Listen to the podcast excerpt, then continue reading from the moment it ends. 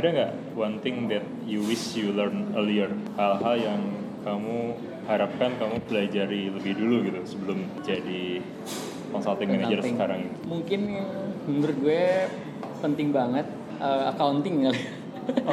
karena karena gue karena accounting kan the language of business ya. karena karena gue, lu sekarang di UI ya eh, ujung-ujungnya kan semua itu ya ujung bukan accounting kali ya accounting and finance lah.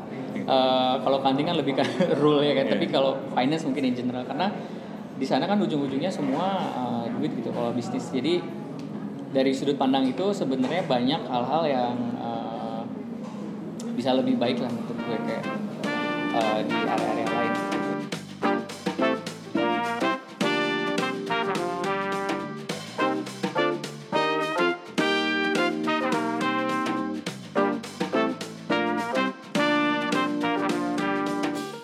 Spectrum Talks.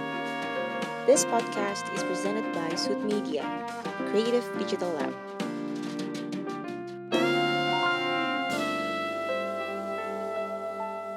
All things that were spoken in this podcast episode are purely personal opinion and do not necessarily represent view or perspective of organizations to which the guest and the host belong.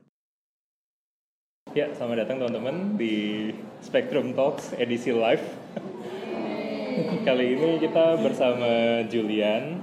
Julian ini adalah seorang technical consulting manager di EY sebelumnya Julian bekerja di IBM dan Accenture ya. Total mungkin selama uh, tujuh tahun bekerja sebagai IT consultant sebelum akhirnya jadi consulting manager di EY Iya, iya. dan klien-kliennya pun uh, macam-macam. Kalau salah pernah di otomotif, FMCG, mining, uh, aerospace, defense. Kliennya juga nggak cuma di Jakarta sempat dapat klien di Sydney sama di uh, Auckland ya. Ya. jalan-jalan ke negara hobbits. Julian ini dulu uh, lulusan teknik informatika ITB jadi teman seangkatan. Dulu sih waktu kuliah termasuk yang paling rajin jadi gaulnya sama Fajrin sama Zaki gitu. Kalau gue nongkrongnya di lab. Tapi eh, sering mulai sering main bareng mungkin 4 tahun 5 tahun terakhir ya. Gara-gara yang lain udah pada merit. Kita waktu itu belum. Tapi sekarang juga udah merit. Jadi kita udah nggak main bareng lagi. Jadi eh, episode podcast kali ini ini spesial karena kita recordingnya live sambil knowledge sharing sambil makan malam bareng sama teman Sweet Media kita bakal ngomongin soal life as an IT consultant tentang project management sama ya seputar kayak dunia IT consulting itu kayak gimana Ya. Tuh. mungkin bisa diceritain kayak biasanya tuh eh, kalau sehari harinya IT consultant itu di kantor ngapain aja sih Ya, kalau eh, IT consultant ya, misalnya consultant in general, sebenarnya paling banyak sebenarnya ngabisin waktu di di klien karena kan ya mungkin sama lah ya teman-teman di Sud Media ya. Eh, kita kan salah satu KPI utamanya ya billable hours kita gitu ke klien gitu kan. Jadi sebagian besar sih kita ngabisin waktu di klien buat eh, tergantung project yang kita kerjain apa. Tapi kalau in- in general bisa ada bisa dibilang ada tiga hal sih main activity-nya kalau consultant. Yang pertama aja tadi ya delivery ngerjain uh, kerjaan sesuai dengan uh, project di mana kita desain.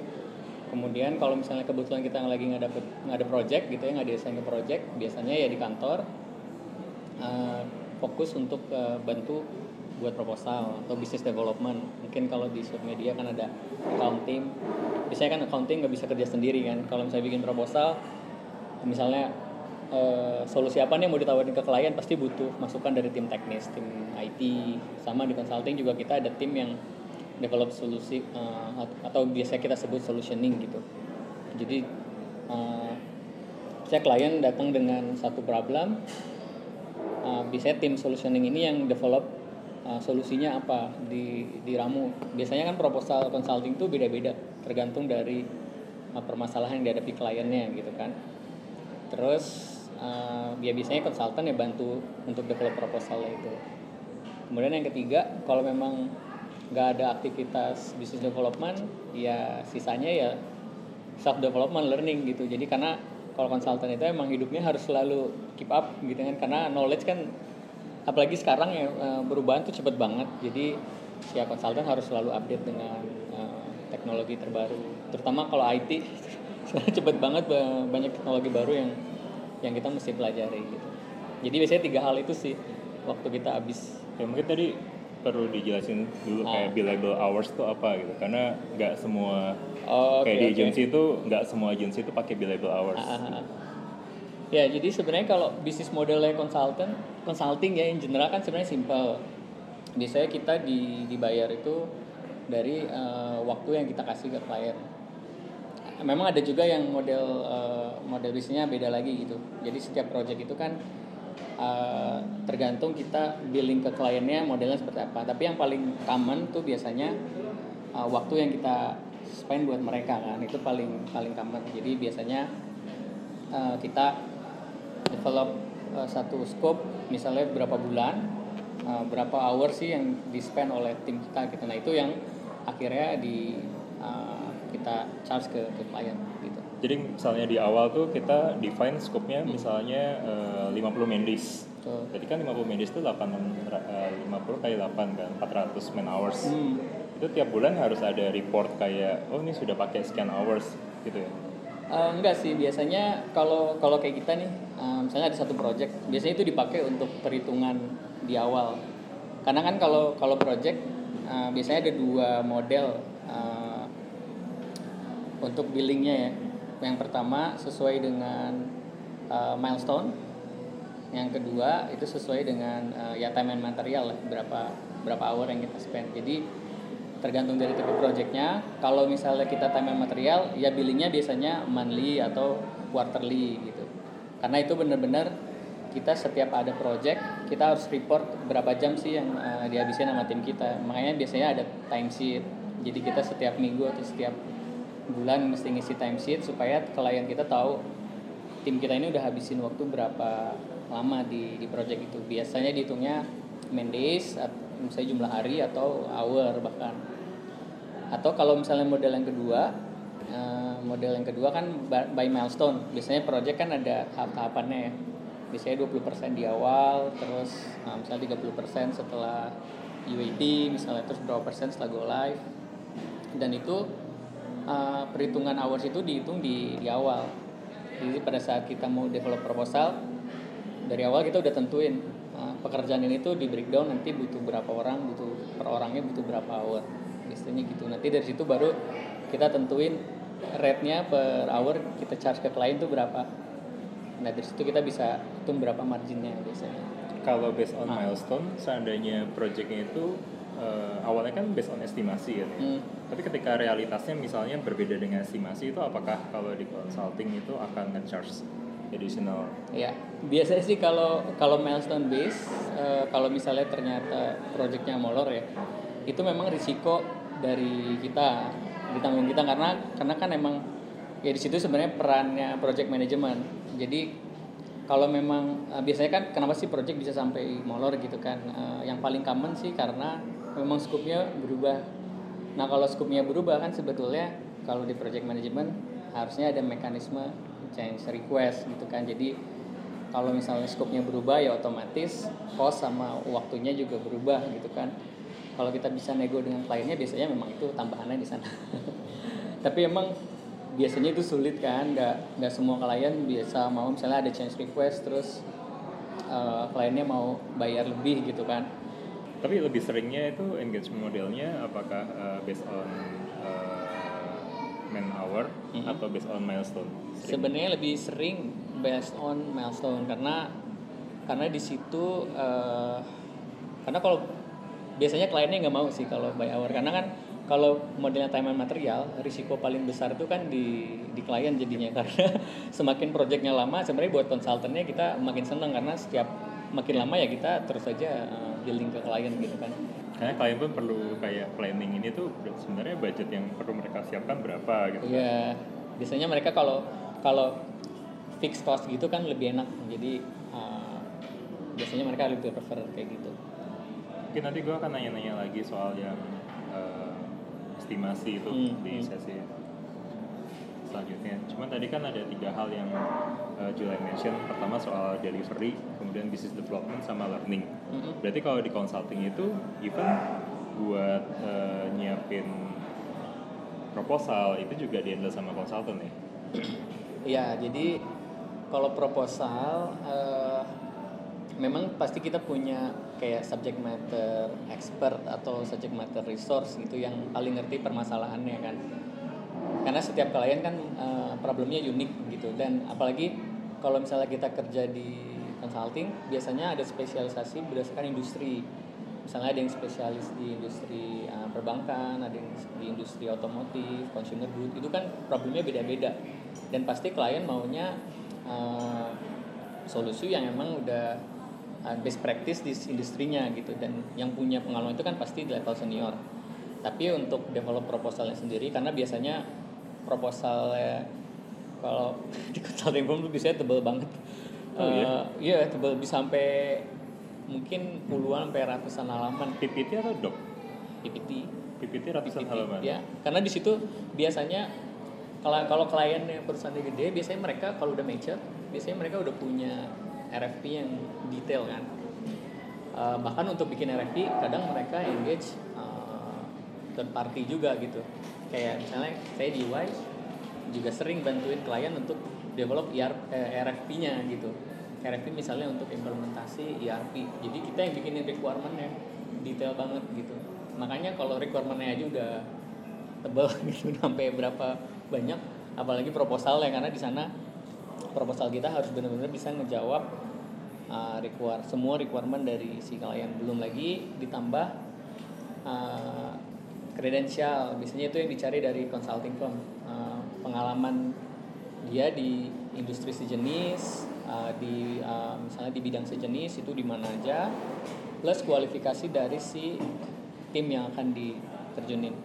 Jadi itu yang biasanya bikin jadi proposal tuh tebal banget. Dan untuk ngerjain itu biasanya butuh tim uh, ngerjain. Jadi uh, analis atau konsultan biasanya bantu biasanya satu proposal itu dikerjainnya berapa orang dan berapa lama kalau di kalau ya uh, sebenarnya kalau berapa orangnya tergantung beda-beda. Biasanya minimal harus ada satu uh, manajer karena dia yang ngatur secara keseluruhan.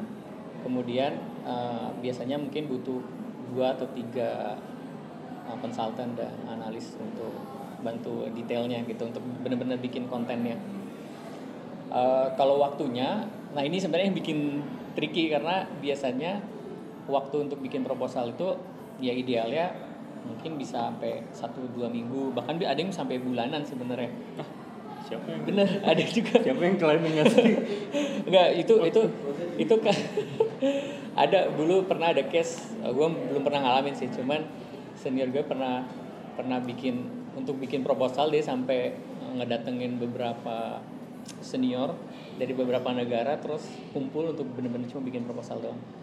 Tapi kalau biasanya kan klien tuh ngasih deadline-nya pendek-pendek kan seminggu dua minggu. Nah itu yang bikin sebenarnya pekerjaan BD itu sebenarnya jadi berat karena waktunya pendek yang mesti dibuat banyak gitu. Akhirnya kadang kalau misalnya emang bener-bener mepet banget eh, kadang keroyokan juga akhirnya. Jadi yang tadinya cuma butuh mungkin lima orang sampai 10 orang siapa pun yang lagi di kantor yang mungkin lagi nganggur ditarik terus bantuin bikin proposal tapi dari ratusan halaman itu tuh Hmm. eh, selain kredensial kalian juga kayak ada isian kayak strategi atau solusinya gitu nggak? Ada tapi itu biasanya eh, nggak terlalu detail ya. Maksudnya in general aja. Karena kan kalau misalnya solusinya udah terlalu detail ya bisa aja nanti dia cuma ambil eh, idenya atau ambil proposalnya tapi mungkin engage konsultan lain yang lebih murah gitu kan. Tapi kalau kalau karena gue kan lebih banyak implementasi sistem sebenarnya kan main deliverable-nya kan sebenarnya sistemnya gitu. Jadi kalau di uh, kalau gue sih nggak terlalu khawatir gitu uh, untuk dan proposalnya sih kalau implementasi sistem mungkin nggak terlalu nggak terlalu tebel juga sih. Biasanya yang yang lebih abstrak itu lebih makin banyak karena mesti banyak case study terus banyak uh, referensi dari pengalaman-pengalaman sebelumnya. Itu yang yang itu yang bikin jadi banyak. Itu karena implementasi sistem ya? Kalau yang kayak custom apps atau custom Mhm. system itu kan berarti kan kalian harus kayak nge-share blueprintnya kan di awal kan ya? Blueprint kayaknya in, in general solusi secara umum mesti dijelasin emang di di situ tapi ya itu tadi mesti ada balance-nya lah antara uh, ya sebisa mungkin nggak uh, main ingredients-nya nggak bener-bener ditaruh di di proposal gitu kayak gue pernah ada uh, project waktu itu kan gue di ERP ya uh, specifically SAP jadi si SAP, SAP. aja pusing. ya jadi di, si kalau di SAP project Integrasi SAP client yang itu udah beres. Biasanya kan SAP dipakai di perusahaan yang emang oh, gede kan terus banyak anak perusahaannya gitu kan. Misalnya ke konglomerasi ada satu head office terus banyak uh, anak perusahaannya. Terus uh, salah satu contoh projectnya adalah misalnya kita mau spin off beberapa company atau satu company gitu di spin off berarti kan dari sistemnya juga harus dikeluarin kan dipisahin. Nah itu cara untuk spin off ini kan metodologinya ada terstruktur gitu. Nah waktu itu kita uh, kita kan pengen ngejelasin ke si klien metodologi yang mau kita pakai karena di situ sebenarnya tantangannya gimana sih caranya biar spin offnya ini bisa bisa smooth gitu. Uh, kita bikinin uh, kita udah bikinin project plannya pakai Microsoft Project waktu itu udah detail banget tapi yang kita kasih ke klien cuma mungkin level satunya aja gitu jadi WBS-nya nggak sampai task level tapi cuman yang general. Itu mungkin salah satu gambarannya ya. Jadi mungkin di awal kita udah punya gambaran secara menyeluruh dengan solusinya tapi yang dikasih ke klien ya kulitnya aja. Dan pernah ada kejadian gak sih kayak uh, kalian ikut pitching? Nah. terus uh, ternyata cuman idenya aja yang diambil nih yang ditunjuk konsultan yang lebih murah gitu. Karena kalau di advertising agency itu hal yang mungkin uh, sering terjadi sering, ya? gitu kayak kemarin ada satu agensi yang di Jakarta Selatan yang dipit sama satu unicorn hmm. itu idenya katanya sih diambil gitu terus oh, yang iya, implementasi iya. ada kreatif agensi yang lain gitu yeah. nah kalau di kayak di IT consulting atau di tempat di mana Julian pernah kerja sebelumnya pernah ada kejadian kayak gitu gak sih? Uh, kalau gue sendiri belum pernah ngalamin, alhamdulillah. Tapi uh, bos gue pernah pernah cerita, pernah ngalamin juga. Karena problemnya kita, uh, kan gue seringnya kerja di consulting firm luar kan, uh, global consulting firm dan salah satu kendala kita tuh yang utama adalah cost karena rate kita dibanding dengan uh, boutique consultant atau local consulting firm kan emang lumayan jauh gitu. Jadi memang pernah kejadian sih kayak gitu juga. Jadi ya approach-nya diambil tapi uh, yang ngerjain delivery-nya uh, yang lokal gitu. Pernah. Nah terus kalau misalnya kayak di proposal itu biasanya kalian lebih banyak uh, ngomongin problem understanding atau lebih ke solution? Karena uh, aku sempat ngobrol sama beberapa teman yang kerja di manajemen consulting. Mereka itu di proposalnya lebih sering kayak menonjolkan bahwa mereka itu benar-benar memahami, memahami. persoalannya. Instead yeah. of mereka ngasih tahu kayak teaser atau ngasih tahu blueprintnya gitu. Paling cuma teaser aja gitu. Ya benar sih emang di setiap proposal yang uh, pernah gue ngerjain atau gue pernah terlibat di dalamnya pasti di section di awal tuh selalu ada uh, bilang our understanding of your business atau your problem. Karena sebenarnya itu yang dicari oleh klien. Karena gue pernah misalnya memposisikan uh, kebetulan nih kerjaan gue sekarang nih uh, gue di hire sama klien tapi kayak cuman uh, di hire perorangan gitu. Jadi memang ada di konsulting juga mulai kayak gitu. Modelnya kayak istilahnya kalau di UI kayak loan staff. Jadi kita kayak ditarik uh, misalnya di di kontrak lah sama klien selama beberapa waktu misalnya setahun gitu ya udah kita jadi kayak bagian dari organisasinya klien gitu. Nah, gue di sini jadi project manager gitu, project manajernya klien. Nah, iya, ketika onsite setahun. Onsite iya, setahun. Onsite setahun. Jadi gue udah kayak ngantor di klien aja kayak gitu. setahun. Ya, nah, ketika gue memposisikan diri gue jadi klien karena kan gue dari dari awal dari lulus gue selalu di consulting kan jadi ketika gue memposisikan diri jadi klien apa sih sebenarnya gue cari jadi kan misalnya kan gue as project manager terus gue lagi nyari vendor misalnya dibuat klien vendor untuk uh, aplikasi tertentu. Kan beberapa proposal masuk terus gue bisa bandingin kan yang gue cari memang eh, mana proposal yang paling eh, bisa memahami kebutuhan kita sih. Jadi benar-benar solusi itu nomor dua sebenarnya. Memang benar yang di awal tuh yang dicari seberapa eh, paham sih mereka tentang eh, industri kita yang pertama. Kedua seberapa paham eh, kita mengenai pro- problem yang sedang dihadapi gitu. Jadi pasti di halaman halaman awal proposal itu pasti ada section itu our understanding for of your business or your problem gitu. Baru ntar di belakangnya ya untuk menjawab itu solusinya seperti apa yang ditawarin Nah kalau di consulting yang tempat lu pernah kerja itu ada tim BD atau tim accountnya nggak? Atau semuanya itu dihandle sama konsultan, manager, partner? oh ada ada ada. Karena untuk eh, generate lead kan kayaknya nggak cukup kalau cuma partner. Memang yang paling berperan kan sebenarnya untuk datengin eh, klien baru tuh partner. Karena mereka yang lebih banyak build relationship dengan klien gitu kan atau mereka yang, yang belum familiar kalau di Ah. consulting itu tuh paling tingginya itu partner istilahnya. levelnya partner Jadi ya. kayak hampir semua si level mungkin disebutnya partner ya. Nah partner Hmm. ya ya kayak ini kayak law firm juga paling atas kan istilahnya itu partner. partner Dia yang bawa klien, dia yang ngelit supaya klien itu deal sama konsultannya. ya nah eh, biasanya mereka memang yang paling banyak tapi sebenarnya kita ada tim kayak tim marketingnya lah yang biasanya ngadain event conference gitu. Kayak kemarin kan EY biasanya setiap tahun EY selalu ada eh, acara EY eh, Entrepreneur of the Year. Nah, kemarin kan yang menang eh, dari Tokopedia ya kalau nggak salah. Jadi itu salah satu e- event yang kita adain. Atau misalnya kita ada beberapa sih acara berkala gitu EY di situ emang tu- tujuannya untuk ya kita sharing lah. Maksudnya uh, supaya kita jadi top of mindnya uh, business leaders gitu jadi kalau oh ternyata EY punya solusi uh, di bidang digital atau misalnya yang sekarang kan yang lagi ngetrend kayak misalnya analytics, blockchain, cloud lewat event-event itu kita bisa kenalin kalau sebenarnya EY itu juga punya uh, kapabilitas di sana gitu. Nah dari sana biasanya baru nanti kalau ada yang tertarik yang pasti nanti baru di di uh, dihubungkan dengan partner yang terkait gitu.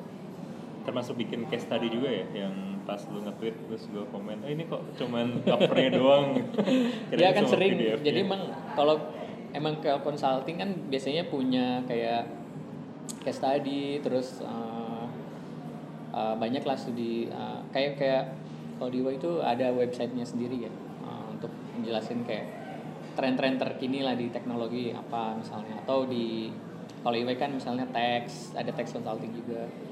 Uh, misalnya ter- tren terbaru di bidang teks misalnya apa biasanya kita selalu ada sharing. Tapi sih marketing tim itu dedicated ya hanya untuk Dedicated, awareness aja dedicated. brand awareness Untuk- ya mm-mm. branding dan sebagainya. Dan itu juga dilakukan Accenture nggak sih? Iya semua kayaknya ada deh uh, event Indonesia. Kalau yang global Ada. itu bukan di handle sama globalnya. Kalau global ya pasti ada. Tapi tapi, di di, lokal juga, juga? ada. Oh, karena eh, kalau yang kalau yang ya kalau global mungkin kayak websitenya yang yang ngelola biasanya global. Karena kan websitenya satu untuk semua negara kan. Tapi kalau kayak event gitu biasanya eh, tiap negara punya eh, campaign sendiri-sendiri. Terus eh, tapi di struktur timnya itu kalau di consulting apakah memang cuma ada kayak satu atau divisinya itu berdasarkan spesialtis atau ya kayak di Media kan ada technical, ada kreatif, terus technical Oh. pun ada front and back ya mobile, kreatif ada media, Ya. konten. Kalau di di consulting sih beda-beda. Kalau dulu waktu di uh, di Accenture kita secara misalnya divisi gedeannya gitu ya ada empat dulu waktu gue masih sana ya. Gue nggak tahu sekarang mungkin udah berubah lagi. Jadi ada Accenture strategi dulu. Uh, itu yang yang fokusnya ke strategi. Terus ada Strategi ini juga- berarti manajemen consulting. ya manajemen consultingnya kalau bisa dibilang kemudian ada juga uh, digital ya digital yang mungkin itu yang beririsan sama tim Media sekarang ada juga yang uh, teknologi kalau teknologi sebenarnya lebih ke enterprise Yang lu dulu tuh di teknologi kan? ya gue teknologi dulu terus ada satu lagi operations operation dulu uh, itu lebih ke kayak eh, kayak outsourcing. Jadi kadang IT kan outsource eh, servisnya gitu ke, ke eksternal. Itu asal mulanya Accenture kan outsource itu kan? Iya nggak sih? Enggak juga. enggak. Kirain awalnya mereka itu outsource. Accenture kalau Accenture dulunya consulting justru sama Accenture itu sebenarnya dulu sebelum accounting firm jadi big four dulu kan big five kan yang satu ini Arthur Anderson Oh ya dibeli kan akhirnya. ya Arthur Anderson itu punya divisi consulting namanya Anderson Consulting terus di spin off uh, itu lucky banget karena pas di spin offnya itu sebelum kejadian Enron kalau nggak salah dulu setelah Enron kan Arthur Anderson kolaps kan karena ada dulu ada kayak skandal gitu. Anderson Consulting yang berubah jadi Accenture nah kalau di EY di EY sebenarnya organisasinya kita yang besar tuh ada dua. Eh, eh enggak sorry. Kalau di EY itu karena kan EY sebenarnya big big four eh, Accounting. accounting dan memang even bisnis kita pun lebih banyak sebenarnya di di audit gitu. Nah auditnya ini kalau di kita istilahnya assurance. Jadi audit eh, itu masuknya istilah kita namanya assurance kalau secara organisasi ya divisinya. Terus ada advisory yaitu ya consulting lah gampangnya advisory. Terus ada juga tax. Nah itu segala hal yang berhubungan dengan tax. Kemudian ada yang namanya transaction advisory. Untuk transaction advisory namanya emang agak agak nggak mencerminkan pekerjaannya sih karena transaction advisory itu lebih banyak kayak ngurusin kayak M&A dan Oh. akuisisi dan lain-lain gitu.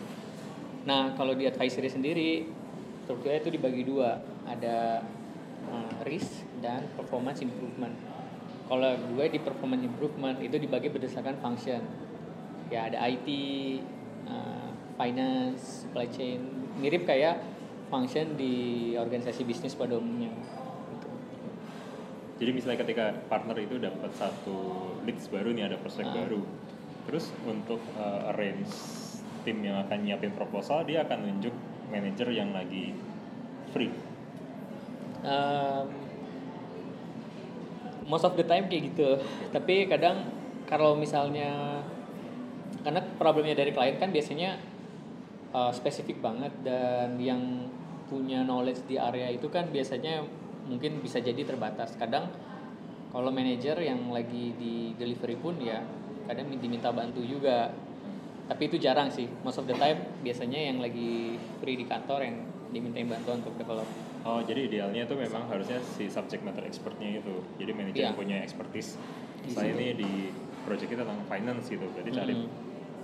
consulting manager yang memang portofolionya Ngerti kebanyakan di finance. finance ya Terus nanti eh, si consultant atau analis yang support itu yang free atau yang punya expertise juga di bidang itu. kalau consulting sama analis sih biasanya bisa ngerjain apa pun maksudnya karena oh, harus karena bisa ngerjain apa pun gitu.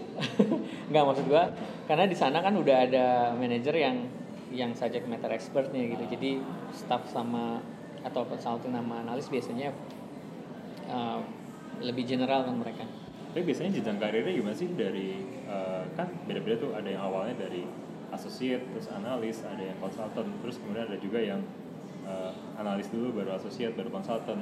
oh Kebanyakan gimana? Eh, kalau di kalau di UI eh, jenjangnya itu yang level awal tuh istilahnya staff atau analis lah hampir sama. Kemudian ada senior eh, atau kalau di tempat lain konsultan. Habis itu biasanya langsung manager. Langsung manager, senior manager, kemudian eh, ya partner atau director gitu. Di Accenture juga gitu. Itu sama, analis, konsultan, manager, eh, senior manager, partner. Dan biasanya dari analis sampai ke manager itu rata-rata butuh berapa tahun? rata-rata biasanya 2 sampai oh analis sampai man- sampai manajer Sampai manager. sampai manajer biasanya dari analis ke konsultan itu antara 2 sampai 4 tahun Mhm. terus dari konsultan ke manajer biasanya 3 sampai 4 tahun Oke, berarti ya, 7 tahun atau 8 tahun lah ya, berarti manajer itu 5 sampai 8 tahun ya rata-rata ya. Nah, Karena karena dia akan jadi frontman-nya si consulting firm itu kan ya. ya tapi Em, karena kalau di consulting kan eh, kita bisa aja misalnya lebih cepat dari eh, biasanya. Tapi kalau kalau dari senior misalnya jadi jadi ke, ke manager bisa kalau misalnya dia emang bantu untuk bisa generate eh, project baru misalnya kayak dia relationship bagus banget sama kliennya terus eh, sampai bisa kayak dapat opportunity baru dari situ nah itu biasanya juga bisa lebih cepat Upselling berarti ya. upselling Berarti salah Ya, satu upselling. Kompetensi yang dicari untuk level manager tuh lu bisa upselling nggak gitu? Kalau bisa akan Ya, lebih cepat ditarik lebih cepat. jadi naik. Karena kan biasanya eh, yang bikin kita naik tuh kalau kita bisa perform at the higher level gitu kan. Kalau kita bisa udah perform di level consultant pas kita masih analis ya otomatis lebih cepat naiknya. Sama kalau konsultan udah bisa perform kayak manager misalnya kan sering tuh misalnya di project eh, tiba-tiba misalnya eh, manajernya resign misalnya. Atau eh, ya misalnya dibajak sama kliennya atau dibajak sama consulting firm lain itu kan sering banget. Dibaca Terus- klien bukannya nggak boleh sih. Nggak boleh ya, nggak boleh harusnya. nggak boleh nggak boleh. Biasanya dibajak sama consulting firm lain. Nah biasanya kalau kayak gitu kan mau nggak mau timnya sekarang lagi pegang ya dia yang step up kan. Harus karena kalau nggak datangin uh, manajer dari project lain malah lebih berat karena dia nggak ngerti projectnya. Ya kayak gitu biasanya lebih lebih bagus sampai sini ada yang mau bertanya mungkin ke Mas Julian? Ya satu mutia dua ya contoh solusi yang ditawarkan sama consulting firm tuh kayak apa sih yang bikin kerennya itu beda dengan yang kayak kita ini yang agensi digital agency gitu? Apa yang membuat itu berbeda? Ya yang bikin beda mungkin lebih ke eh, jenis solusinya kali ya. Maksudnya eh, gue kebetulan belum pernah pegang area yang di area kalau digital agency kan mungkin lebih banyak ke marketing atau advertising gitu kali ya. Tapi kalau di kayak gue kan eh, ERP misalnya ERP kan delivery system biasanya. Sebenarnya sih yang eh, yang ngebedain lebih ke karena selain kita juga banyak sebenarnya consulting firm lokal gitu yang bisa deliver ERP juga sama. Tapi yang ngebedain kita dari yang lain biasanya yang kita jual itu metodologinya pertama. Karena uh, kalau misalnya uh, skala projectnya itu gede banget itu kan risiko untuk gagalnya juga tinggi. IT project kan salah satu uh, project yang tingkat kegagalannya lumayan tinggi kan persentase kegagalannya jadi kalau misalnya ERP implementasi ERP yang uh, ngelibatin satu perusahaan gede terus cabangnya banyak itu kan risiko kalau misalnya gagal tuh bakal besar banget dampaknya ke perusahaan. Makanya mereka berani bayar mahal itu karena uh, mereka pertama percaya sama brandnya sih. Kedua uh, kita punya standar metodologi yang udah teruji gitu. Karena udah banyak pengalamannya udah udah punya banyak referensi itu sih sebenarnya yang bikin agaknya rate-nya lebih mahal metodologi ini sebenarnya kayak proses yang bakunya kan prosesnya Ya. yang mana kalau proses itu kan kadang kalau kita udah punya standar Hmm. oh project kayak gini itu harus tiga bulan nih Mm. Nggak, kalau kamu mau satu bulan ini bisa tapi nggak ngikutin metodologi standar kita Standar, gitu ya. pernah nggak kayak kayak gitu kan jadi kayak dilema nih kalau di accept ya harus cutting time tapi ini jadi metodologinya standar. Tapi kalau misalnya nggak kita kita nggak kompromi sama itu ya nanti nggak dapat projectnya. Itu dilema yang umum banget. Kayaknya di mana-mana kayak gitu. Maksudnya kalau secara standar ya butuh waktu misalnya enam bulan tapi klien mintanya lima bulan ya mau nggak mau sih. Kalau kayak gitu eh ya kita tetap harus deliver. Ya. Sesuai metodologi standarnya. Ses- maksudnya metodologi standar sesuai tetap. Maksudnya kita nggak mengurangi eh, nggak mengurangi apa yang harus dilakukan gitu. Tapi solusinya ya mungkin eh, mix dari timnya sih. Karena yang bikin yang bikin satu project itu mahal kan tadi mungkin kalau dibalik di awal setiap level kita kan udah punya rate masing-masing. Kalau kita banyakin eh, sebenarnya project itu risikonya akan lebih kecil kalau kita makin banyak orang yang senior kan. Tapi kalau makin banyak yang senior ya marginnya makin tipis harganya jadi mahal. Ya di situ sebenarnya kita bermain karena waktu sebenarnya waktu itu bisa lebih cepat atau lambat tergantung sangat tergantung banget sama orangnya sebenarnya. Gitu nggak nggak nggak mesti misalnya eh wak- mengerjaan ngerjain sesuatu itu ada waktu yang fix gitu kalau orangnya udah expert biasanya kan lebih cepat gitu Tapi selama kamu di IBM, di Accenture, di EY, metodologinya tuh memang beda-beda ya? beda-beda Hmm? beda-beda tapi sebenarnya secara standar umumnya hampir sama tapi kalau kalau uh, setiap consulting firm pasti punya metodologi sendiri-sendiri beda-beda Contohnya sih. gimana sih? Gue soalnya taunya waterfall doang sih. waterfall dan Sebenarnya iteratif incremental gitu. Sebenarnya waterfall mungkin diulang-ulang. bu- bukan cuma metodologi kali ya. Kalau metodologi ya emang secara umum sih sebenarnya ya waterfall agile atau kayak gitu kan. Tapi approach-nya juga beda. Jadi misalnya eh gimana ya bedainnya? Sebenarnya sih hampir hampir hampir mirip sih. Cuman pendekatannya aja yang yang yang beda Jadi kayak struktur organisasi tim itu part of metodologi yang biasanya dipropose ya, yang Betul. bisa jadi kayak antara firm yang satu dan firm yang lain itu beda-beda. beda-beda Oh. karena untuk untuk ngerjain project yang gede banget kan Pak, ya mereka juga ngelihat gimana sih cara kita mengorganize uh, timnya gitu atau mengorganize projectnya gitu di situ jadi salah satu uh, ini. kemudian yang yang sering jadi nilai jual juga sebenarnya nggak hanya metodologi sih tapi toolsnya juga. Jadi karena metodologi kan sebenarnya itu kan kayak ya kayak teori aja. Pada prakteknya ujung-ujungnya terserah project manager ya kan. Menurut saya Accenture punya metodologi gimana pun. Nah sebenarnya yang yang jadi jualan kita biasanya ada akselerator atau ada tools. Akselerator tuh kayak kita udah punya template-nya lah bisa dibilang. Atau misalnya kayak toolsnya tuh udah udah ready. Biasanya itu yang kita jual jadi untuk misalnya untuk uh, project yang skala gede kan kita nggak cuma uh, delivery-nya aja kan tapi change manajemennya juga mesti dipikirin. Nah change management kan ada uh, ada metodologinya sendiri kemudian ada ada ada teknik-tekniknya sendiri. Nah itu biasanya yang kita jual. Tapi kayak akselerator tadi itu uh, build from scratch dibikin sendiri atau itu sebenarnya kayak sistem yang udah jadi? Kayak misalnya orang itu punya sistem SAP punya sistem udah ah, banyak yang kita build sendiri juga. Jadi uh, nggak nggak kita sih biasanya dari tim uh, global udah punya udah punya tool sendiri yang bisa kita pakai. Jadi itu yang sebenarnya mempercepat kita untuk delivery. Sebenarnya malah sekarang yang yang lebih sering jadi nilai tambah tuh itu justru tools uh, ready solution. Karena kan dikejar biar bisa cepat itu tadi kan kita butuh itu uh, tools lah untuk mempercepat uh, prosesnya Ini kalau di agency bisa bikin e-commerce dua minggu kan? Tanya Mas Rica.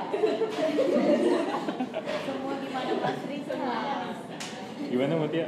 Cukup terjawab tadi ada pros uh, brandingnya, Branding. kemudian metodologi, which is itu proses, organisasi, Brand. approach, sama uh, tools. tools ya sebenarnya just- yang sekarang kalau yang trennya ke situ sih justru ke toolsnya itu. Karena sekarang udah sama semua lah eh, antara consulting firm satu dan yang lain udah nggak hampir nggak ada bedanya sebenarnya. Jadi kalau cuma ngandelin metodologi atau approach itu ya kliennya juga udah kalau misalnya dibandingin antara proposal satu yang lain udah nggak jauh beda. Udah nggak ada bedanya tapi justru sekarang nilai tambahnya di toolsnya. Orangnya juga muter-muter nggak sih? Iya orangnya juga. Itu masih itu, itu juga. Kira tadi?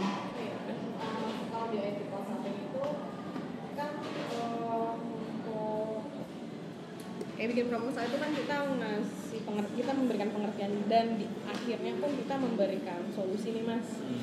Eh, karena aku bidangnya AE nih eh, solusi itu kan keluar eh, kita entah kita membuatkan sistem kita memberikan ide gitu.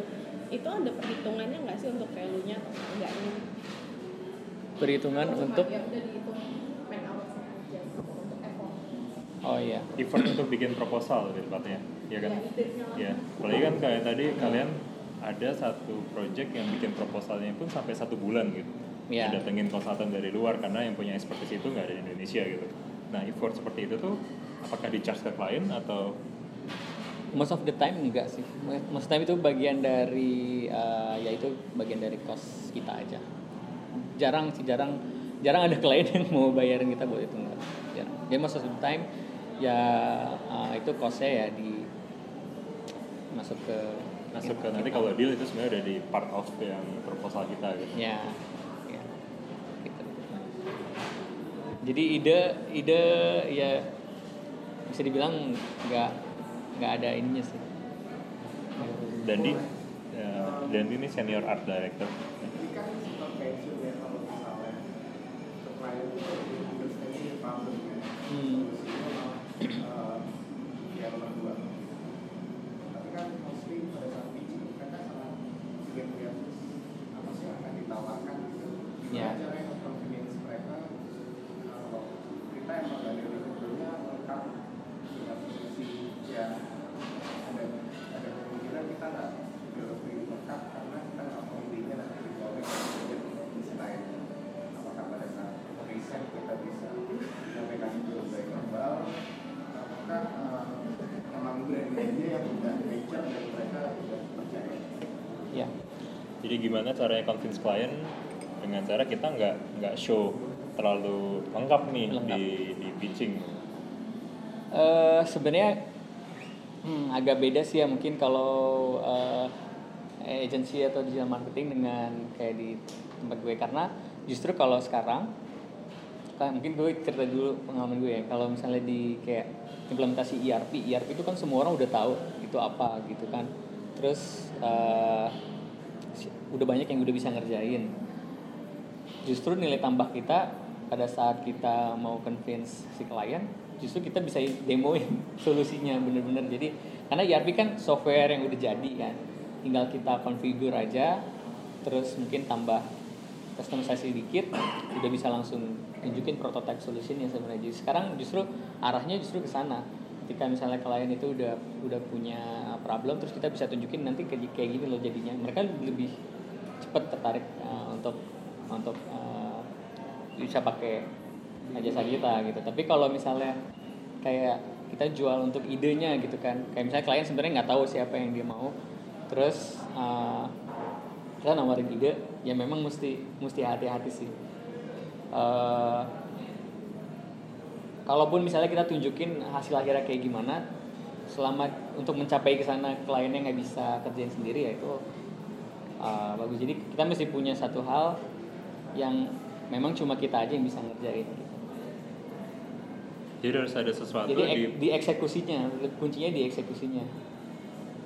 Harus ada sesuatu di solusi kita itu yang Cuma pasti kita- harus kita yang ngerjain gitu. Iya. kalau bukan kita bakalan fail nih benar. gitu ya. Jadi harus iya harus. Jadi kalau misalnya nu- nunjukin misalnya kayak kayak demo uh, reportnya yang di misalnya kalau di ERP paling ujung-ujungnya kan yang mau dicari kan report. Kita bisa tunjukin dari reportnya kayak gini. Uh, tapi untuk bisa sampai ke sana ya kita nggak perlu jelasin gimana caranya. Itu uh, kita akan baru jelasin ya kalau misalnya proyek udah dapat gitu. Jadi emang tadi ya balik lagi ke ide. Sebenarnya ide kan ketika kita jelasin mungkin si klien udah bisa langsung kepikiran gitu. Tapi kalau untuk eksekusinya cuma cuma bisa cuma kita yang bisa ngerjain ya di situ sebenarnya yang bikin akhirnya klien mau nggak mau harus mengajar kita. Ya semoga menjawab ya. Soalnya emang emang agak beda Iya, dikit iya, sih iya. nature-nya karena kalau di industri gue solusinya itu udah kayak semua orang udah tahu lah ERP gitu. Justru semakin kita bisa tunjukin kalau ini udah bisa jadinya kayak apa klien malah lebih lebih tertarik karena mereka lebih percaya karena kan ERP problemnya kan ini rumit terus uh, risikonya tinggi. Ketika udah tunjukin sebenarnya permasalahannya udah langsung terjawab ya mereka udah langsung in langsung mau diskusi kita.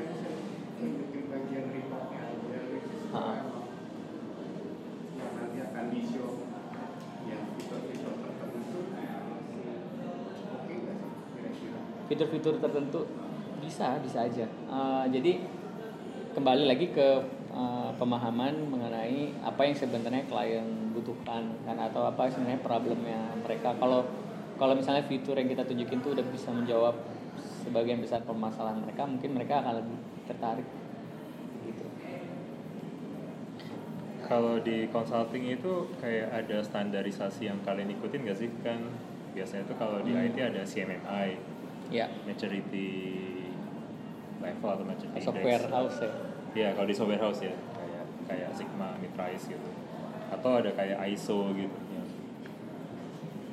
Kalau standar ya, biasanya sih kita ja kita nggak terlalu menekankan ke sana sih. Misalnya kliennya juga nggak terlalu sering. ah, itu bukan sesuatu yang sering kita jual juga sih. Biasanya kalau misalnya kita implement delivery software enterprise misalnya SAP misalnya, kita udah dapat berapa award dari karena biasanya SAP punya award awardnya kan misalnya best partner atau uh, banyaklah kategori award yang lain. Biasanya itu yang kita tonjolin kita udah banyak karena kan global kan itu yang di itu yang ditunjukin. Atau yang kedua biasanya dari analis report. Gartner misalnya atau dari Forrester biasanya kita tunjukin misalnya di area ini UI itu di posisi mana sih berdasarkan analis report Itu dengan PR-nya ya main ya. Iya. Public relation ya, branding. Ah, ah, branding Tapi kayak eh, ada dokumen-dokumen standar gitu nggak sih kayak setiap project pasti harus ada dokumen ABCD gitu. deliverable Ya. nah. Ada, ada pasti. Dan deliverable sih biasanya kita ngikutin dari RFP-nya. Jadi request dari kliennya butuh deliverable apa ya. Kita penuhin itu minimal plus ya yang lain-lainnya yang jadi nilai tambah kita. Nah, yang lain-lainnya itu tuh yang nentuin eh, siapa?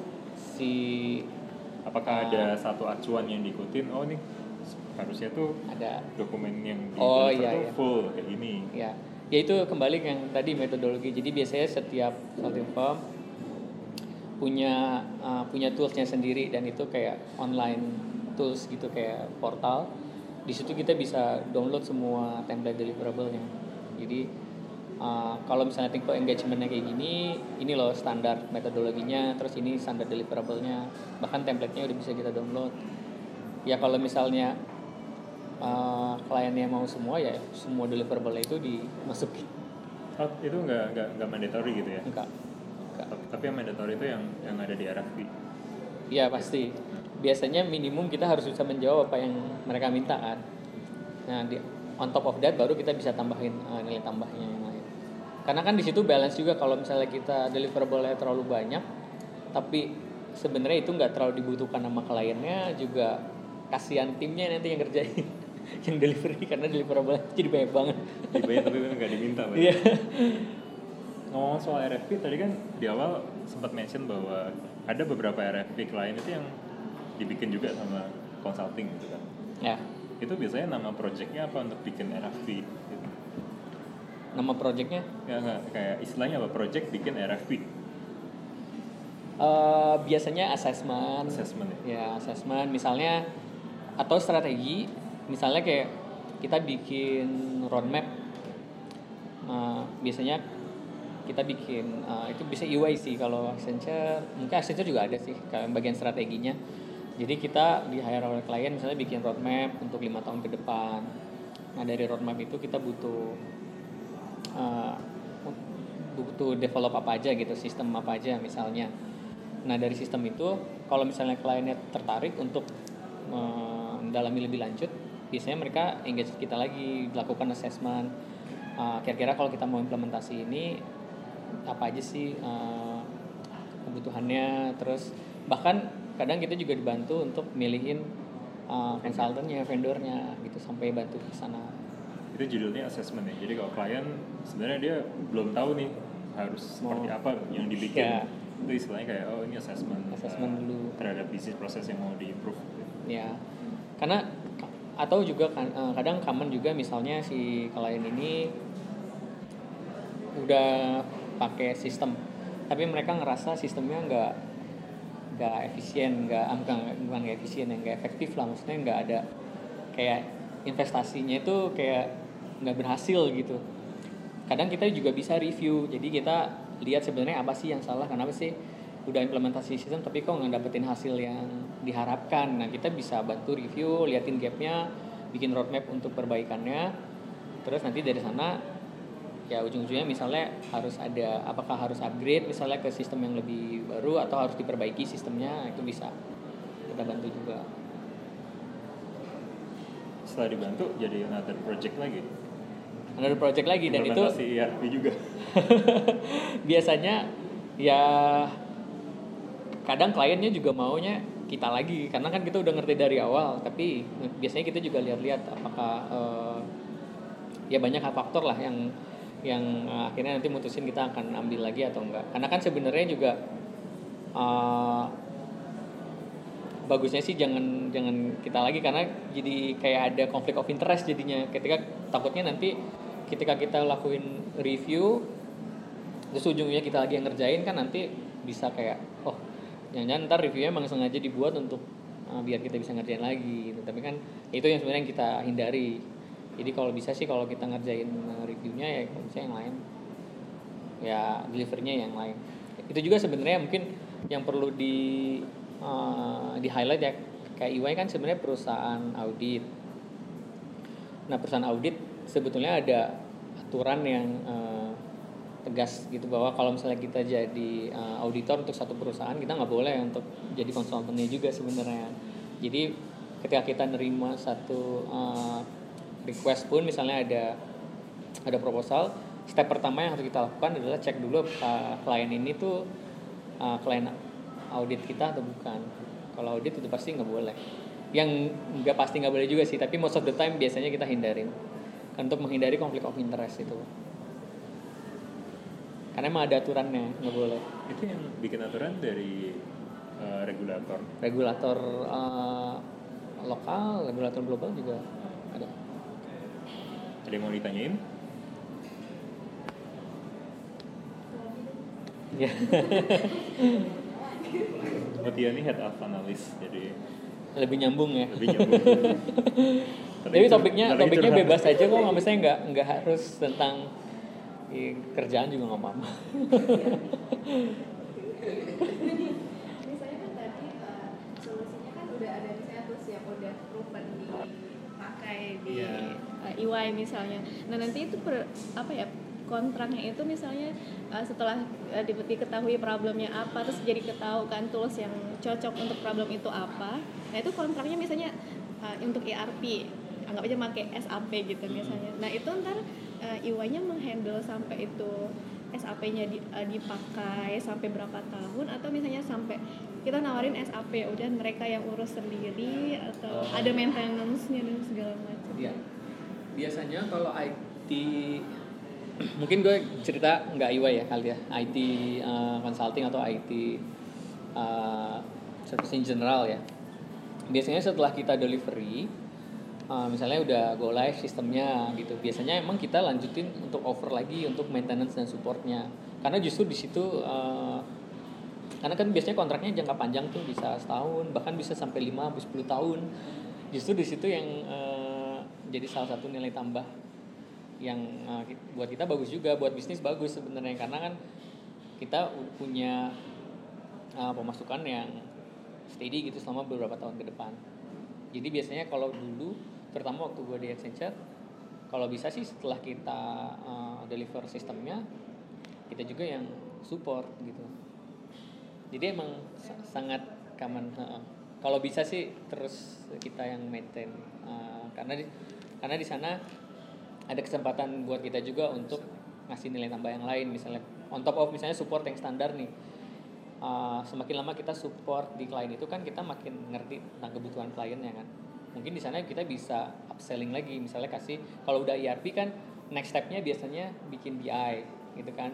Uh, business intelligence untuk reportingnya gitu kan.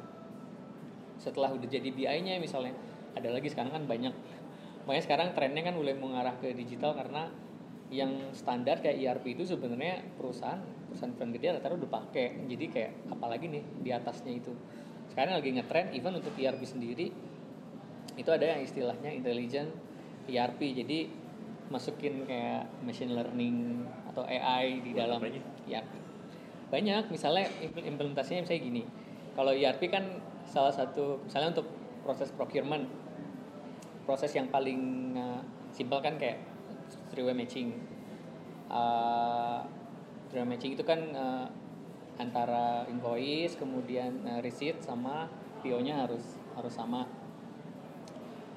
Ya itu biasanya bisa di uh, untuk misalnya untuk baca invoice kalau sekarang kan masih manual terus di input kan.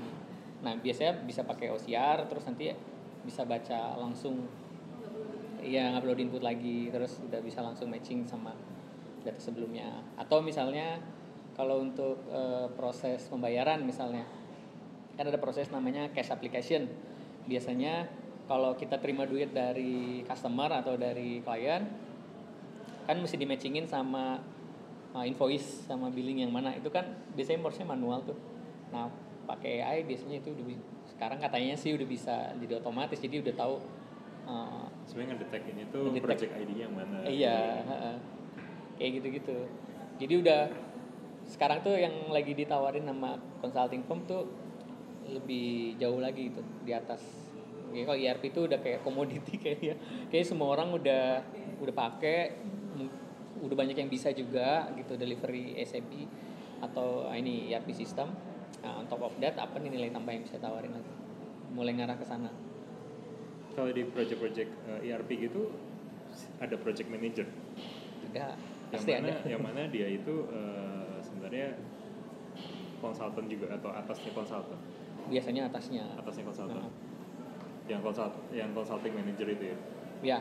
Jadi Ya. consulting manager tuh dia kalau di project ya act-nya as a project, project manager, manager biasanya.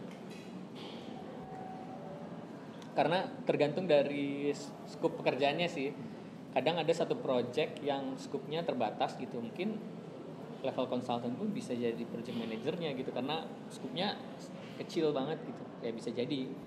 Tapi Dia jadi project managernya dan jadi konsultan juga? Eh, project manager yang nggak jadi konsultan ya. Di WA ada timnya lagi. Tapi dia Oke. karena project manager itu kan sebenarnya role role untuk delivery kan. Eh, itu bisa diisi oleh manager atau senior manager Dakpan untuk untuk eh, untuk case-case tertentu yang kalau misalnya projectnya kecil ya masih konsultan pun bisa gitu. Tapi eh, keuangannya billing dan lain-lain kemudian profitability dari projectnya tetap dipegang sama si manajernya. Biasanya konsultan nggak nggak nyentuh area itu sih. Biasanya setelah sa- misalnya satu project udah selesai nih Hmm. itu ada evaluasi internal nggak kalau di eh, tempat Julian pernah kerja selama ini evaluasi internal. Atau ya udah langsung move on ke another project move ke another project gitu. ya secara best practice sebenarnya bagusnya ada. Kan setiap project selesai harusnya ada lesson learn-nya terus ya itu kita eh, dokumentasiin. Kemudian oh eh, di consulting firm salah satu eh, apa namanya nilai tambah kita itu juga kita punya kayak database semua project udah pernah kita kerjain se- seluruh dunia gitu. Dan tapi itu biasanya ya uh, kredensialnya udah di dihapus dulu misalnya nama kliennya atau specific solutionnya pasti udah dihapus. Dan biasanya kita minta izin dulu ke kliennya boleh di ini atau enggak. Jadi selesai project tuh biasanya kita bikin kayak dokumentasi itu terus kita upload ke portal. Dan memang kita semua di encourage untuk itu. Bahkan dikasih kayak dikasih nilai poin tambahan lah kalau kita bisa contribute di situ. Karena itu jadi acuan kita. Ketika kita misalnya ada project ya kita tinggal search aja project kayak gini udah ada belum sih? Oh, itu banyak. Jadi itu seberapa detail itu? Itu kayak case study gitu kan?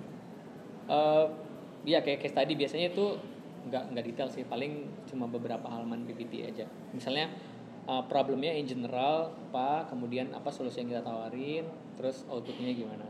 Biasanya gitu sih nggak terlalu detail.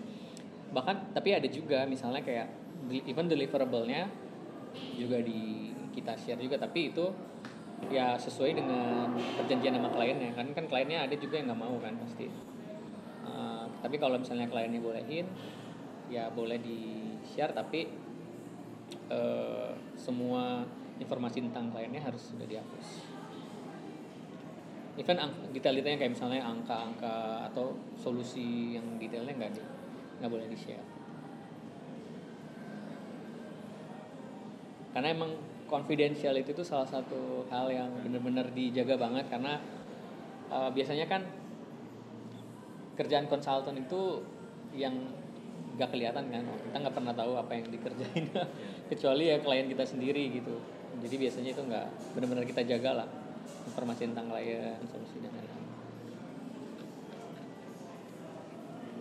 Tapi emang biasanya sih prosesnya kayak gitu gini. Tapi ya ada yang ngelakuin ada yang enggak namanya kan best practice emang wajib. begitu enggak wajib. Tapi kalau di kalau di UI yang wajib itu biasanya ke kliennya justru evaluasi ke biasanya kita ada kayak tim uh, untuk quality ya. Oh ya, yang Uh, service quality. jadi formnya ya jadi satisfaction dari dari klien, kliennya. Itu biasanya yang uh, selalu ada. Tapi kalau yang tak kayak tadi yang internal terus kita itu sih voluntary aja. Oh. Sangat recommended tapi nggak mandatory.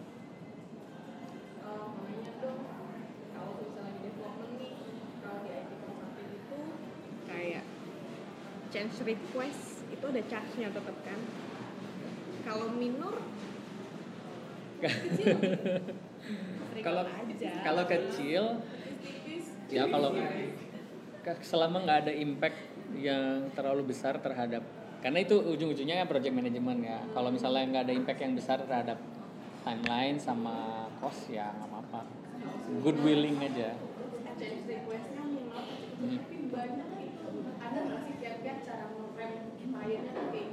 kayak setengah curcol ini.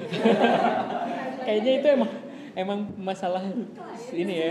Setiap IT project kayak begitu kan ada siap-siap nggak tips and Tips. deliverable tepat waktu nggak mundur walaupun kliennya sangat banyak minta atau dari internalnya gimana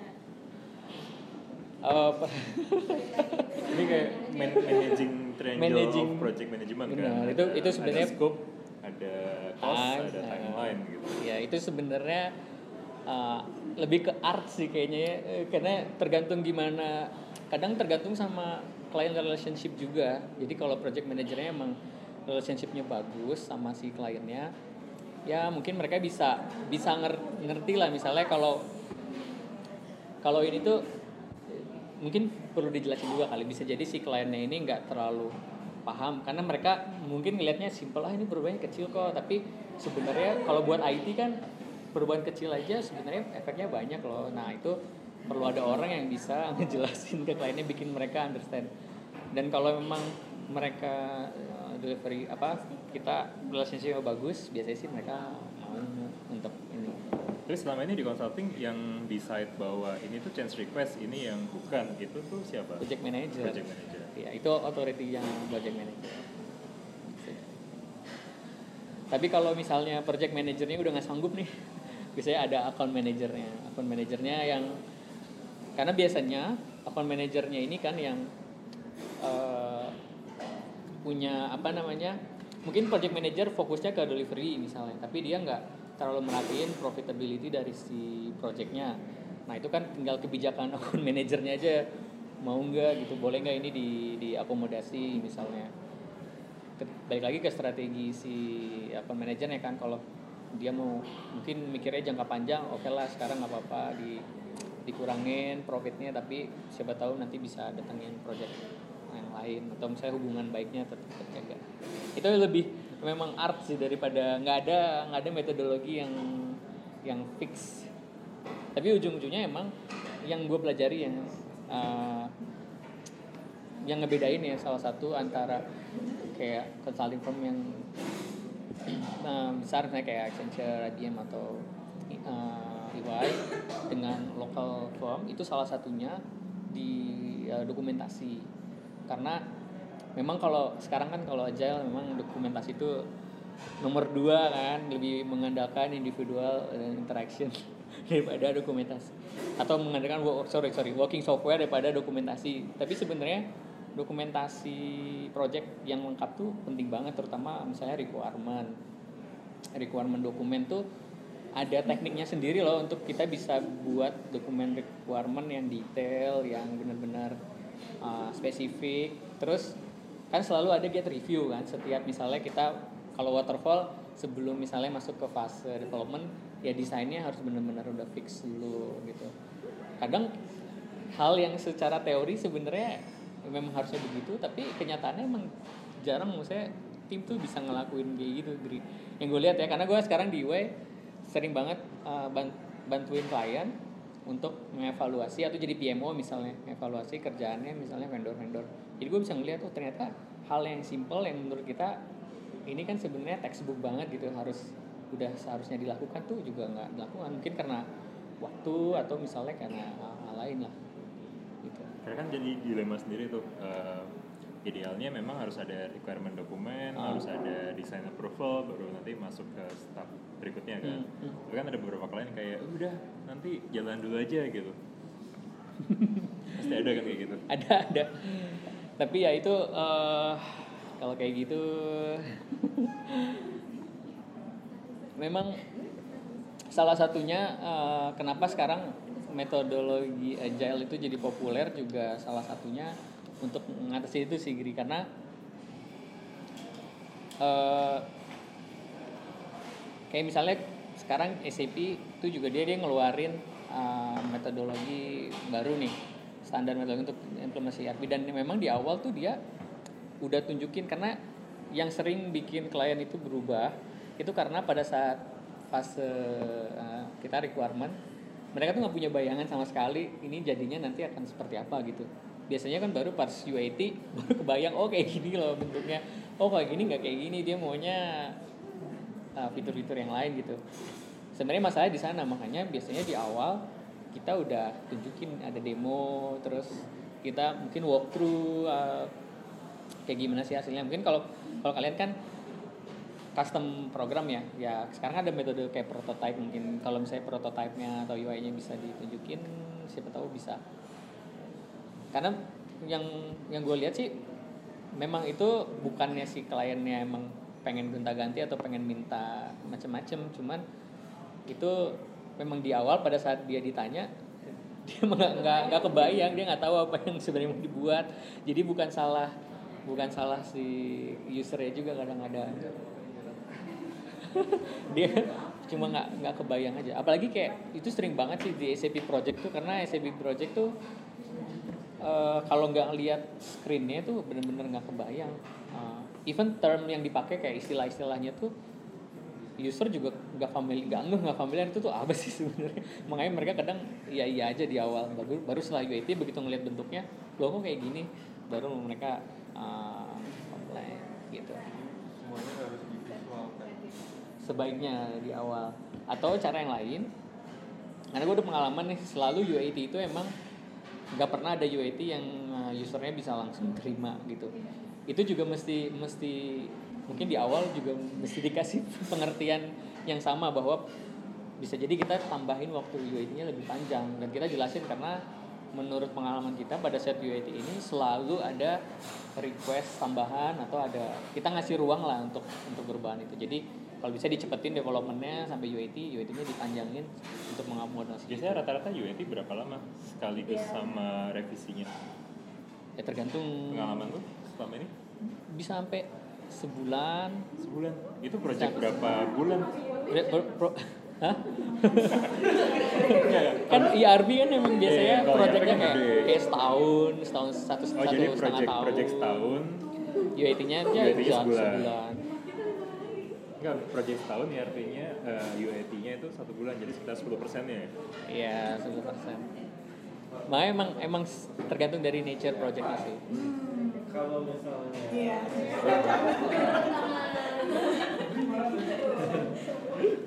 Kalau misalnya eh, sistemnya itu melibatkan integrasi dengan sistem-sistem yang lain, Iya. otomatis perlu ada dilakukan SIT. Ya. Oke. Nah, untuk SIT sendiri itu biasanya berapa lama? Again itu tergantung sama sama, apa metodologinya. Oke. Eh biasanya sih ya tergantung ya.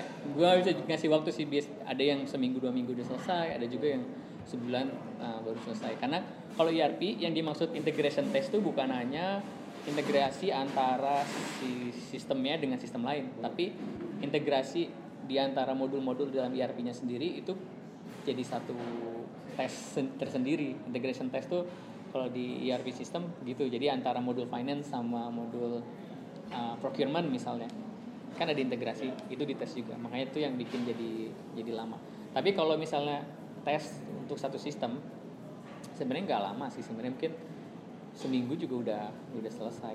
Karena kan kalau interface itu sebenarnya simple kan eh, apa namanya konsepnya kan. Yang penting eh, ketemu apa yang misalnya di biasanya dari eh, kalau integrasi kan biasanya ada dua arah lah atau satu arah gitu.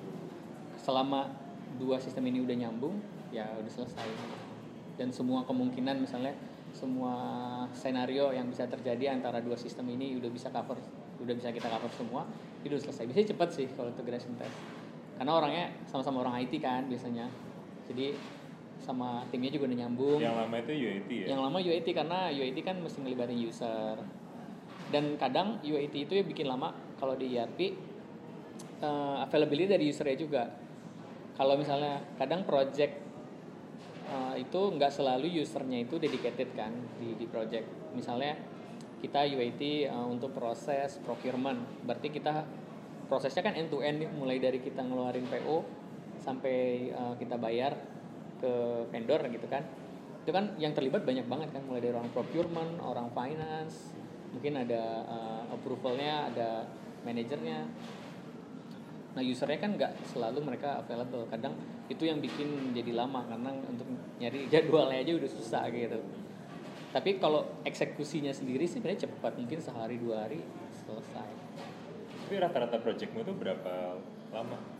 kalau ERP rata-rata em, mulai dari enam bulan lah minimal. Kalau implementasi ERP enam bulan sampai setahun. Ada yang sampai dua tahun juga. Ada yang dua tahun. ada. Biasanya kalau kalau eh, sat- dia satu perusahaan tapi banyak anak perusahaannya Nah, itu jadi satu project biasanya kita go live di satu dulu terus Tapi untuk satu yang entity lain. biasanya maksimal 12 bulan ya. ya setahun lah Itu standar Kalau 6 sampai 12 bulan fase requirement gatheringnya sendiri itu biasanya berapa lama?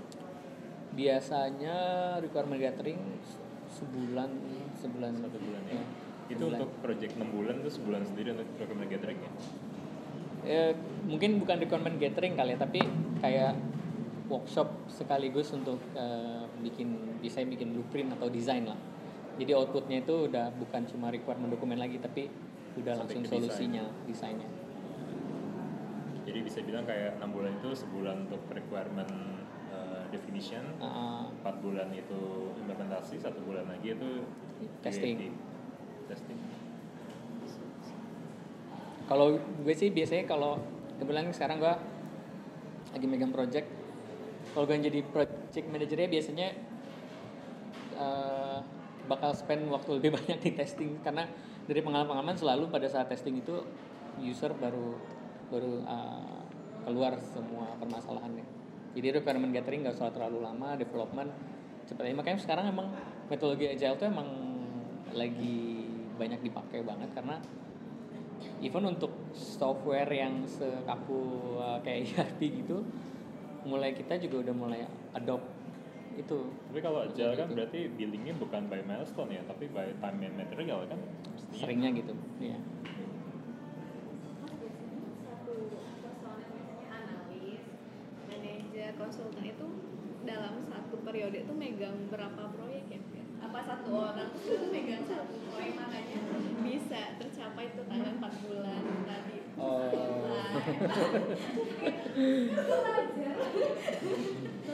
most of the time sih saat kalau levelnya staff atau analis dia fokus satu project Kalau levelnya manager, manager tergantung dari scope-nya ya. Kalau misalnya projectnya gede, biasanya dia fokus ke satu project. Tapi kalau eh, nggak terlalu gede dan timnya juga apa eh, independen ya bisa megang lebih dari satu. Tapi dua itu juga udah jarang sih, apalagi lebih dari dua. Tapi again itu tergantung dari ini ya, karena emang eh, apa permintaan dari kliennya juga sih. Karena gue ngerasain sendiri sebenarnya. Sekarang gue di posisi klien kan, maksud gue gue part of clients organization gitu. Ketika misalnya timnya nggak dedicated itu impactnya terhadap project itu emang besar banget gitu. Jadi iya karena ketika lagi dibutuhkan dia lagi sibuk di project yang lain misalnya Oke, eh, mungkin pertanyaan gue terkait kayak selama ini caranya kalian biasanya keep up to date dengan perkembangan teknologi, Teknologi. atau digital itu ada kayak baca baca bacaan bacaan khusus nggak sih? Bacaan ad- oh ya biasanya sih kalau di di kita udah ada kayak semacam bukan kurikulum sih kayak misalnya recommended uh, learning lah. Misalnya kalau di UI itu kita ada sistem namanya badge Uh, jadi misalnya kita mau ngambil skill di bidang digital misalnya. Dia udah tentuin tuh uh, mesti ngambil course apa aja mesti baca buku apa aja terus uh, di situ itu untuk learningnya. Terus nanti harus ada ngasih misalnya contributionnya. Udah pernah nga- ngasih training misalnya internal atau udah pernah terlibat di project yang terkait digital. Nanti kita dapat badge kita bisa apply ke ke global. Terus nanti badge-nya bisa dipublish di LinkedIn atau di internal ya nanti biasanya even dipajang di di kantor gitu. Ini yang udah punya badge. Dipajang. iya. Tapi itu yang nyuplai kontennya dari global ya? di global. Tapi kontennya juga kita misalnya kayak pakai uh, Udemy gitu. Udemy, Coursera gitu. Selain itu ada kayak em, mungkin kayak bacaan yang lu rekomendasiin buat project manager atau buat konsultan lain gitu. Bacaan atau blog atau buku. enggak sih enggak kalau ya itu tadi buku-bukunya biasanya yang yang ter eh ya bi- biasanya berkaitan dengan topik yang mau diambil misalnya kayak kalau digital digital tuh salah satu sekarang kan trennya kayak misalnya AI atau atau blockchain ya bukunya biasanya buku bestseller juga sih yang kayak AI itu yang bukunya si eh, siapa yang Kai Fu Lee itu yang orang orang Cina lupa judulnya apa. Kalau blockchain ya ada juga buku blockchain revolution yang si Don Time Scott yang biasanya buku-buku bestseller sih nggak nggak ada buku yang Jadi spesifik lebih kayak banget. tren trennya sekarang itu apa? Cari yang memang jadi Memang kayak dari- lebih lebih banyak biasanya training karena kita juga uh, di UI training uh, kontennya juga lumayan banyak yang di internal. Dan memang ada ada kewajiban. Jadi kayak misalnya setiap orang itu minimal setahun uh, harus ngambil misalnya training berapa jam gitu. Ada ada batasnya. Itu wajib lah kayak KPI-nya karena kalau nggak kayak gitu kan susah. Walaupun nature-nya tugasnya konsultan ya harus selalu belajar kan. Tapi kalau nggak ada faktor-faktor kayak gitu juga kadang orang males. Dan memang yang lebih efektif sebenarnya learning by doing sih. Belajar sambil ngerjain project itu yang paling efektif. Karena berapapun kita ngambil online course atau misalnya ngambil video training kalau nggak diaplikasiin ya hilang juga kan tadi terkait hal yang paling basic adalah dokumentasi ya apa? hal yang paling basic kan sebenarnya dokumentasi Ah, ah. mulai dari proses briefing itu sampai solusi itu keluar siap di desain nggak mungkin satu kali meeting kan biasanya ada beberapa kali pertemuan dan setiap kali pertemuan kan pasti ada output yang harus dimiliki itu tuh tadi kan sempat dimention kira-kira dua minggu ya waktunya ya untuk mulai dari awal terima brief sampai dengan nanti klien Hmm. boleh tolong dikasih gambaran nggak yang terjadi di eh, di sana tuh prosesnya gimana tuh brainstormnya sampai dengan break itu jadi Oh, dari dari misalnya kita meeting sama pertama kali meeting sama klien internal. Eh, prosesnya beda-beda ya.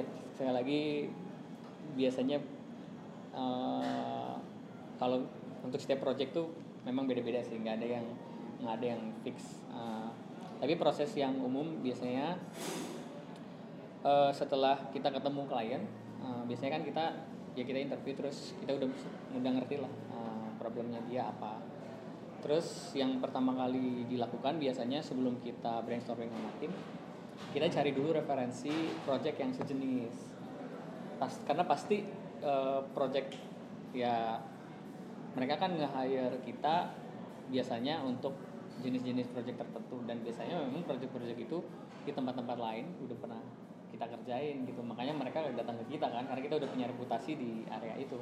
Jadi kita eh, belajar dari referensi project-project yang lain kita search ada portalnya.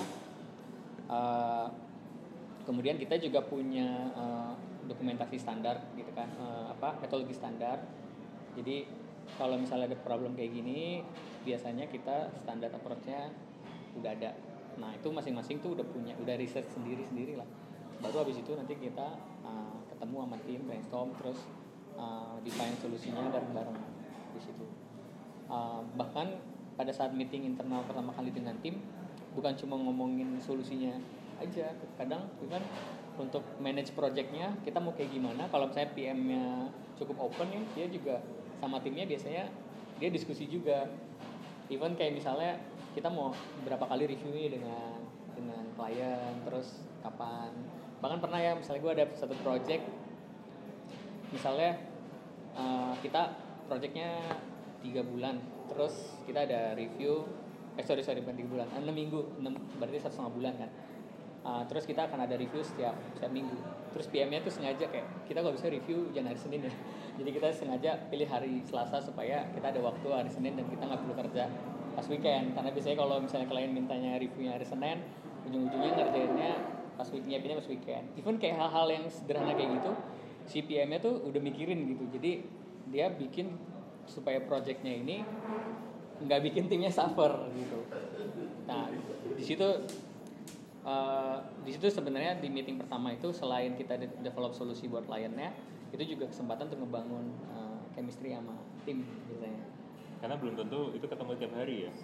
uh, ya most of the time sih ketemu Oh. tapi kan biasanya si manajernya yang kadang nggak di satu tempat kan Tapi yang nyiapin proposal itu nanti sama yang ngerjain sama nggak atau beda? oh sorry sorry tadi, tadi tuh ceritanya kalau udah dapat projectnya ya. Oh, Tapi kalau dapet. proposal eh, beda lagi kalau proposal ya fokus ke, pitching, ke ya. kalau pas pitching ya fokus ke eh, bikin proposal aja sih sebenarnya.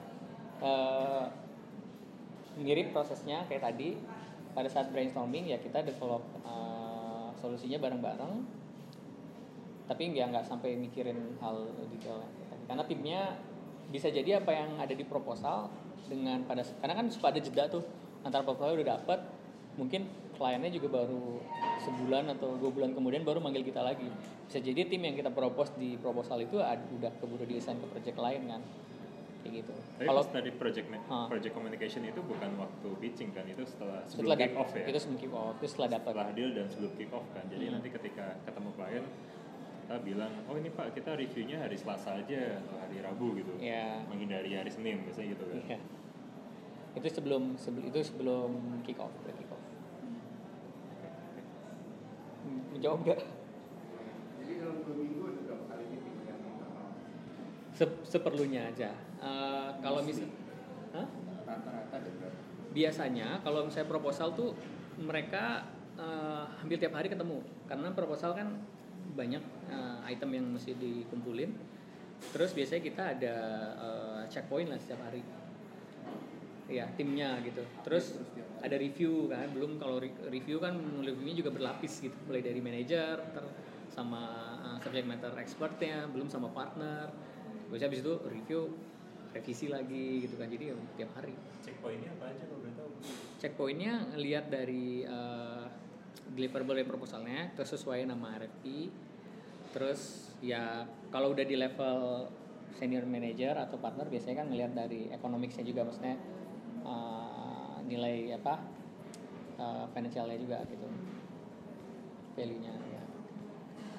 Ada nggak yang kurang dari satu minggu?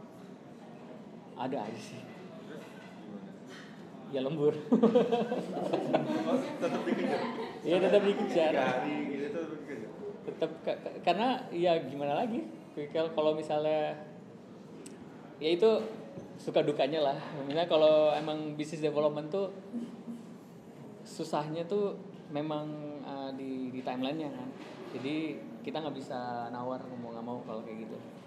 Ya semampunya lah misalnya kayak kalau cuma tiga hari terus kalau menurut kita ini masih visible gitu ya tetap kita kejar.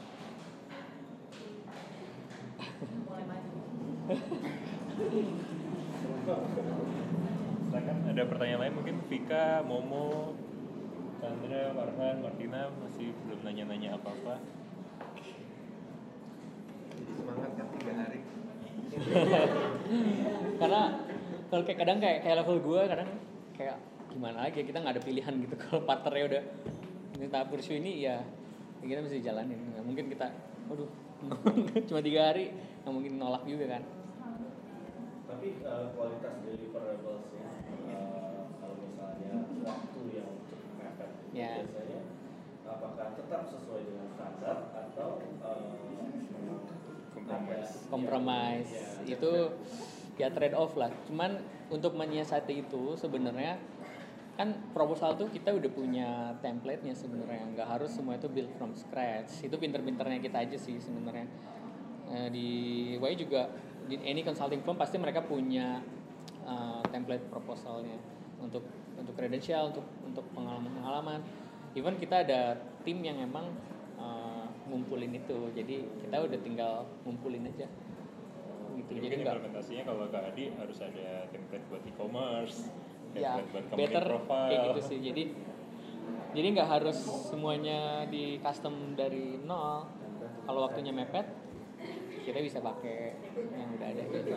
makanya itu enaknya sekarang kayak di Y juga kita kan fokusnya tahun lalu sih tahun lalu. Tahun tahun ini beda lagi. Tahun lalu tuh kita sempat fokusnya itu ke solution jadi kita uh, kita udah punya solution yang kita prioritasin untuk kita jual gitu. Nah, solution ini ya udah punya standarnya gitu. Jadi jadi misalnya untuk untuk ERP kita udah punya solusi yang standar, ini yang versi kita.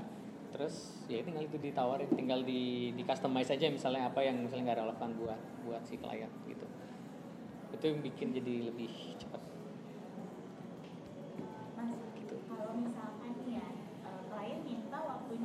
Bulan. Padahal setelah kita internal diskusi bla bla bla itu idealnya 6 sampai 7 bulan.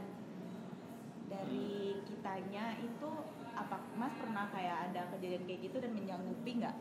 Kalaupun menyanggupi apakah mungkin rate-nya dinaikin atau gimana gitu? kalau misalnya ini pertanyaannya yang dilema yang selalu dihadapi emang Iya itu sering terjadi. sering sering banget sih kayak gitu Eh, kalau misalnya eh, kalau misalnya kita udah yakin banget itu nggak mungkin eh, empat bulan. Mm, menurut gue sih baiknya kita bilang di awal. Jadi si klien itu juga harus ngerti bahwa ini sebenarnya standar deliverable-nya eh, sorry standar untuk eh, ngerjain project ini tuh nggak empat bulan. Dan dan di- di sana mereka jadi ya itu memang kita harus convince mereka sih. Mereka harus ngerti kenapa itu nggak nggak cukup kalau dikerjain 4 bulan. Tapi kalau mereka tetap maksain ya artinya ada trade off kan di sana. Uh, kalau bisa sih si kliennya juga ngerti kalau ada, ada bakal ada trade off di sana. Tapi kalau untuk men- menyiasatinya ya eh, kalau misalnya kliennya tetap mau gitu terus yang namanya klien pasti mau yang terbaik. Mereka nggak mau misalnya kualitasnya turun kan. Ya mau nggak mau kita harus harus deliver sih tapi tetap harus dilihat eh, jangan sampai eh, projectnya jadi nggak profitable dan timnya juga jangan sampai jadinya eh, suffer juga gitu. Biasanya sih kita cukup ini sih nggak nggak nggak selalu terima semua request yang dadakan. Iya. kan. Kan sering kali juga kita aku juga bilang ini nggak usah kalau misalnya terlalu mepet satu bulan gitu. Mm-mm. Tapi kalau dari tujuh bulan dia tawar jadi empat bulan ya diayain aja lah dulu. Maksudnya, eh, biasanya di situ ada perbedaan tren atau enggak sih? Maksudnya walaupun memang biasanya kan ini dan ini udah nggak mungkin kita udah jelasin tapi ternyata kliennya kok ya udah coba aja dulu 4 bulan gitu kan. Yep. Intinya tetap yang sama kita, cuma dia Mm-mm. tahu tapi ya udah usahain 4 bulan dan di situ Ya, kalau misalnya dengan nambah tim, misalnya bisa jadi kalau misalnya tetap kayak gitu, mungkin kita mix dari timnya eh, kita ubah gitu. Jadi Mungkin kita lebih banyakin tim yang lebih senior di sana. Dan ujung-ujungnya kan kalau lebih yang senior ya harganya lebih lebih tinggi, lebih mahal. Itu sih sudah konsekuensi. Tapi memang paling susah tuh meyakinkan si kliennya sih itu yang yang paling paling berat. Makanya emang client relationship tuh emang kunci banget sih di eh, di ya peran kayak partner atau peran kayak ya, account manager atau engagement manager untuk selalu punya relationship yang bagus dengan klien di situ ajak makan ajak ngopi. Iya bener bener loh. Kayak gitu kayak gitu tuh efektif banget. Soalnya kalau kalau kita udah misalnya kalau kalau kliennya udah percaya banget sama kita gitu ya sebenarnya sebenarnya problemnya kan di trust juga kan. Mereka mereka mungkin ketika kita jelasin ini butuh waktu enam bulan loh. Bisa jadi kliennya emang nggak percaya aja gitu sama kita. Tapi kalau trustnya udah bagus mereka pasti oke ngerti gitu. Iya. Eh, tadi ada kalimat yang aku dengar maksudnya meyakinkan klien gitu emang menjadi sebuah posisi di mana itu yang selalu kita lakukan dari mulai titik awal gitu. Tapi terkadang kita sangat enak ketika uh, klien ini belum tahu penyakit dia tuh apa. Jadi kita banyak titik diagnosnya. Tapi ketika mereka udah request something yang memang kita punya penyakit di sini nih. Padahal ketika ketika kita diagnose lalu kita audit dan lain ternyata menurut kita bukan ini. Nah, apa yang mereka request dan apa yang punya ya problem solving yang kita tawarkan yang menjadi prioritas awal itu berbeda. Kalau misalnya dari Mas Julian sendiri, bagaimana sih cara convince uh, klien-klien yang seperti ini gitu? Ya. Kalau misalnya si klien punya uh, udah punya apa pemahaman yang berbeda gitu ya tentang problem yang mereka hadapi. Sebenarnya itu juga uh, itu art juga sih. Uh, karena meyakinkan orang tuh juga tergantung tipe orangnya, beda-beda juga.